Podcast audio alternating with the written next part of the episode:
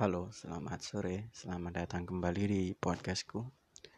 Kenalin aku Ahli Sanawa, biasa dipanggil Ahli sebagai teman-teman yang belum kenal.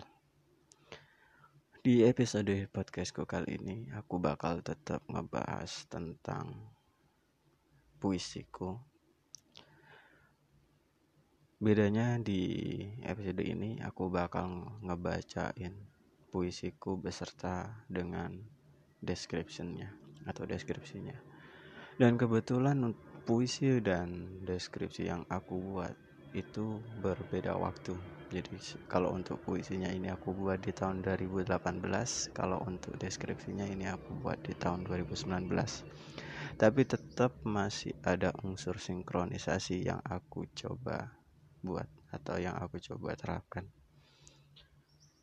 Judul puisiku kali ini korek yang aku buat di tahun 2018.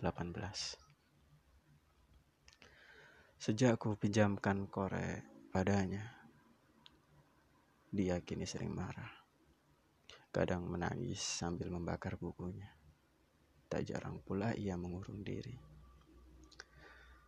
Suatu hari dia menghampiriku, sengaja saja aku tak menggubris. Rupanya ia menawarkan senyum dengan wajah aspal ku balas barulah kita saling canda di warung waktu. Tanpa mengingat kebiasaannya, tebas pikiran, saling potong lidah, menjahit otak aku diajarkannya. Tak lupa sebelum saling bunuh, dia kembalikan pula korek yang kupinjamkan. Ku ujar saja padanya. Ambil saja, aku sudah punya yang baru. Suatu saat kebutuhanmu dengannya segera menghampirimu. Apakah kau lupa?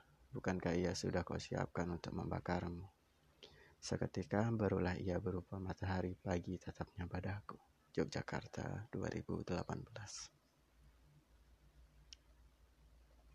Silam di tempat yang seingatku terdapat banyak manusia dengan balutan pakaian putih. Saling saut-sautan suara mengagungkan sang kekasih hati, kekasih Tuhan saat sedang bingung dengan keduniaan yang selalu berhasil mengalihkan hati. Juga banyaknya praduga tanpa bukti tentang display macam-macam orang. Muncullah semacam gejolak yang mempertanyakan keabsahan diri. Bertanya tentang keakuan, tentang kesiapaan. Pada saatnya, sengaja begitu yakin bahwa kemesraan tidak hanya soal cinta dan sayang kepada lawan jenis harus saling kabar setiap detik. Bagi saya ini klise, karena dengan saling olok saja bisa jadi itu tanda keakraban. Istilah saling tebang pikiran, bunuh lidah, adalah hal yang asik dalam sebuah hubungan. Mengapa begitu? Untuk mengetahui batasan harus terlebih dahulu dijatuhkan. Kalau bisa sering-seringlah jatuh agar tahu kapan senja muncul, matahari terbit dan terbenam. Dalam puisiku kali ini ada dua hal yang ingin aku share. Yang pertama mengenai keakraban. Mengenai keakraban sendiri atau mengenai lebih tepatnya yang aku mau share mengenai cinta. Namun ini tidak tentang percintaan lawan jenis barangkali ada yang memaknakan ini cinta lawan jenis juga nggak masalah. Karena bagiku keakraban ini sifatnya lebih ke universal. Yang pertama itu. Kenapa keakraban atau kenapa cinta? Karena penggambaran keakraban yang aku coba cerna dari kehidupan sehari-hari yang aku rasain yang aku rasakan, bukan yang aku rasakan, yang aku alami. Ada hal-hal yang menarik tentang keakraban yang jarang orang, jarang teman-teman sadari. Ternyata dengan budaya saling celah, saling ejek, itu malah lebih cepat akrab dan malah lebih menambah keakraban kita dengan sekeliling kita. Dalam artian kita tidak ada niatan untuk saling ejek. Kebetulan aku berasal dari Jawa. Di Jawa Timur itu ada istilah panggilan yang sering sekali digunakan. Jadi ada kata-kata kasar yang di yang terkenal di Jawa Timur itu jancu. Tapi di dalam dalam tongkrongan beberapa temen atau beberapa gerombolan memanggil temannya itu dengan istilah cuk cuk awak kon narap nandi cuk kon narap nandi. Dan itu sangat-sangat mesra ketika kita melihat keadaannya. Di mana kita nggak saling pamer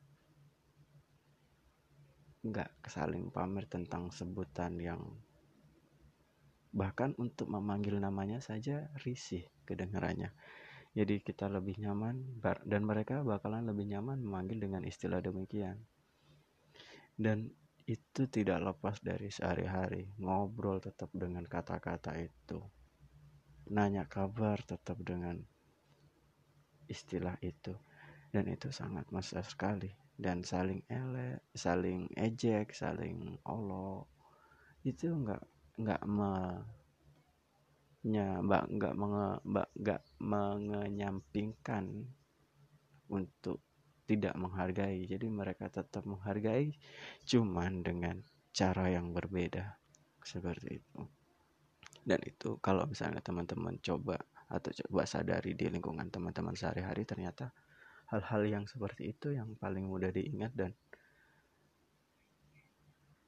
asyik dan kedengarannya tidak tidak lebay gitu jadi sewajarnya saja. Dan yang kedua adalah tentang kebutuhan. Jadi di puisi kok ada part-part di mana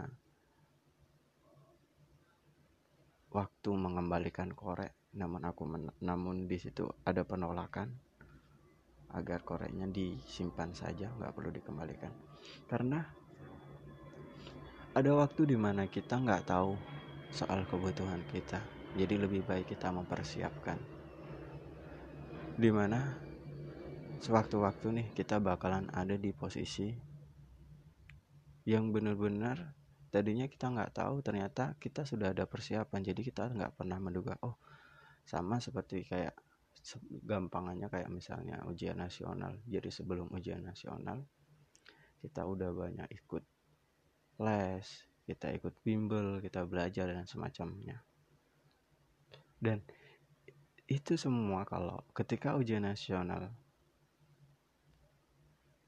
terlaksana mungkin dari apa yang kita dapatkan di les bimbel semuanya nggak bisa masuk atau semuanya nggak bisa kita terapin. Tapi seenggaknya kita sudah ada persiapan dari situ. Sehingga kita lebih secara mental secara psikis kita lebih siap menghadapi unas daripada yang tidak mempersiapkan sama sekali. Makanya kita nggak bisa nih naruh kebutuhan sewaktu-waktu. Jadi oh untuk saat ini aku butuh ini, aku butuh ini, aku butuh ini. Dalam satu waktu kebutuhan kita kita sandingkan semuanya atau kita penuhi semuanya. Itu nggak akan bisa. Karena nanti yang ada hanyalah berlebihan dan berlebihan itu nggak baik. Dan berlebihan itu benar-benar nggak baik dan sekali lagi berlebihan itu benar-benar nggak baik. Terima kasih. Hmm, terima kasih. Dan untuk saat ini mungkin itu saja yang bisa aku sharing ke teman-teman. Kurang lebihnya mohon maaf. Terima kasih. Selamat sore selamat beraktivitas kembali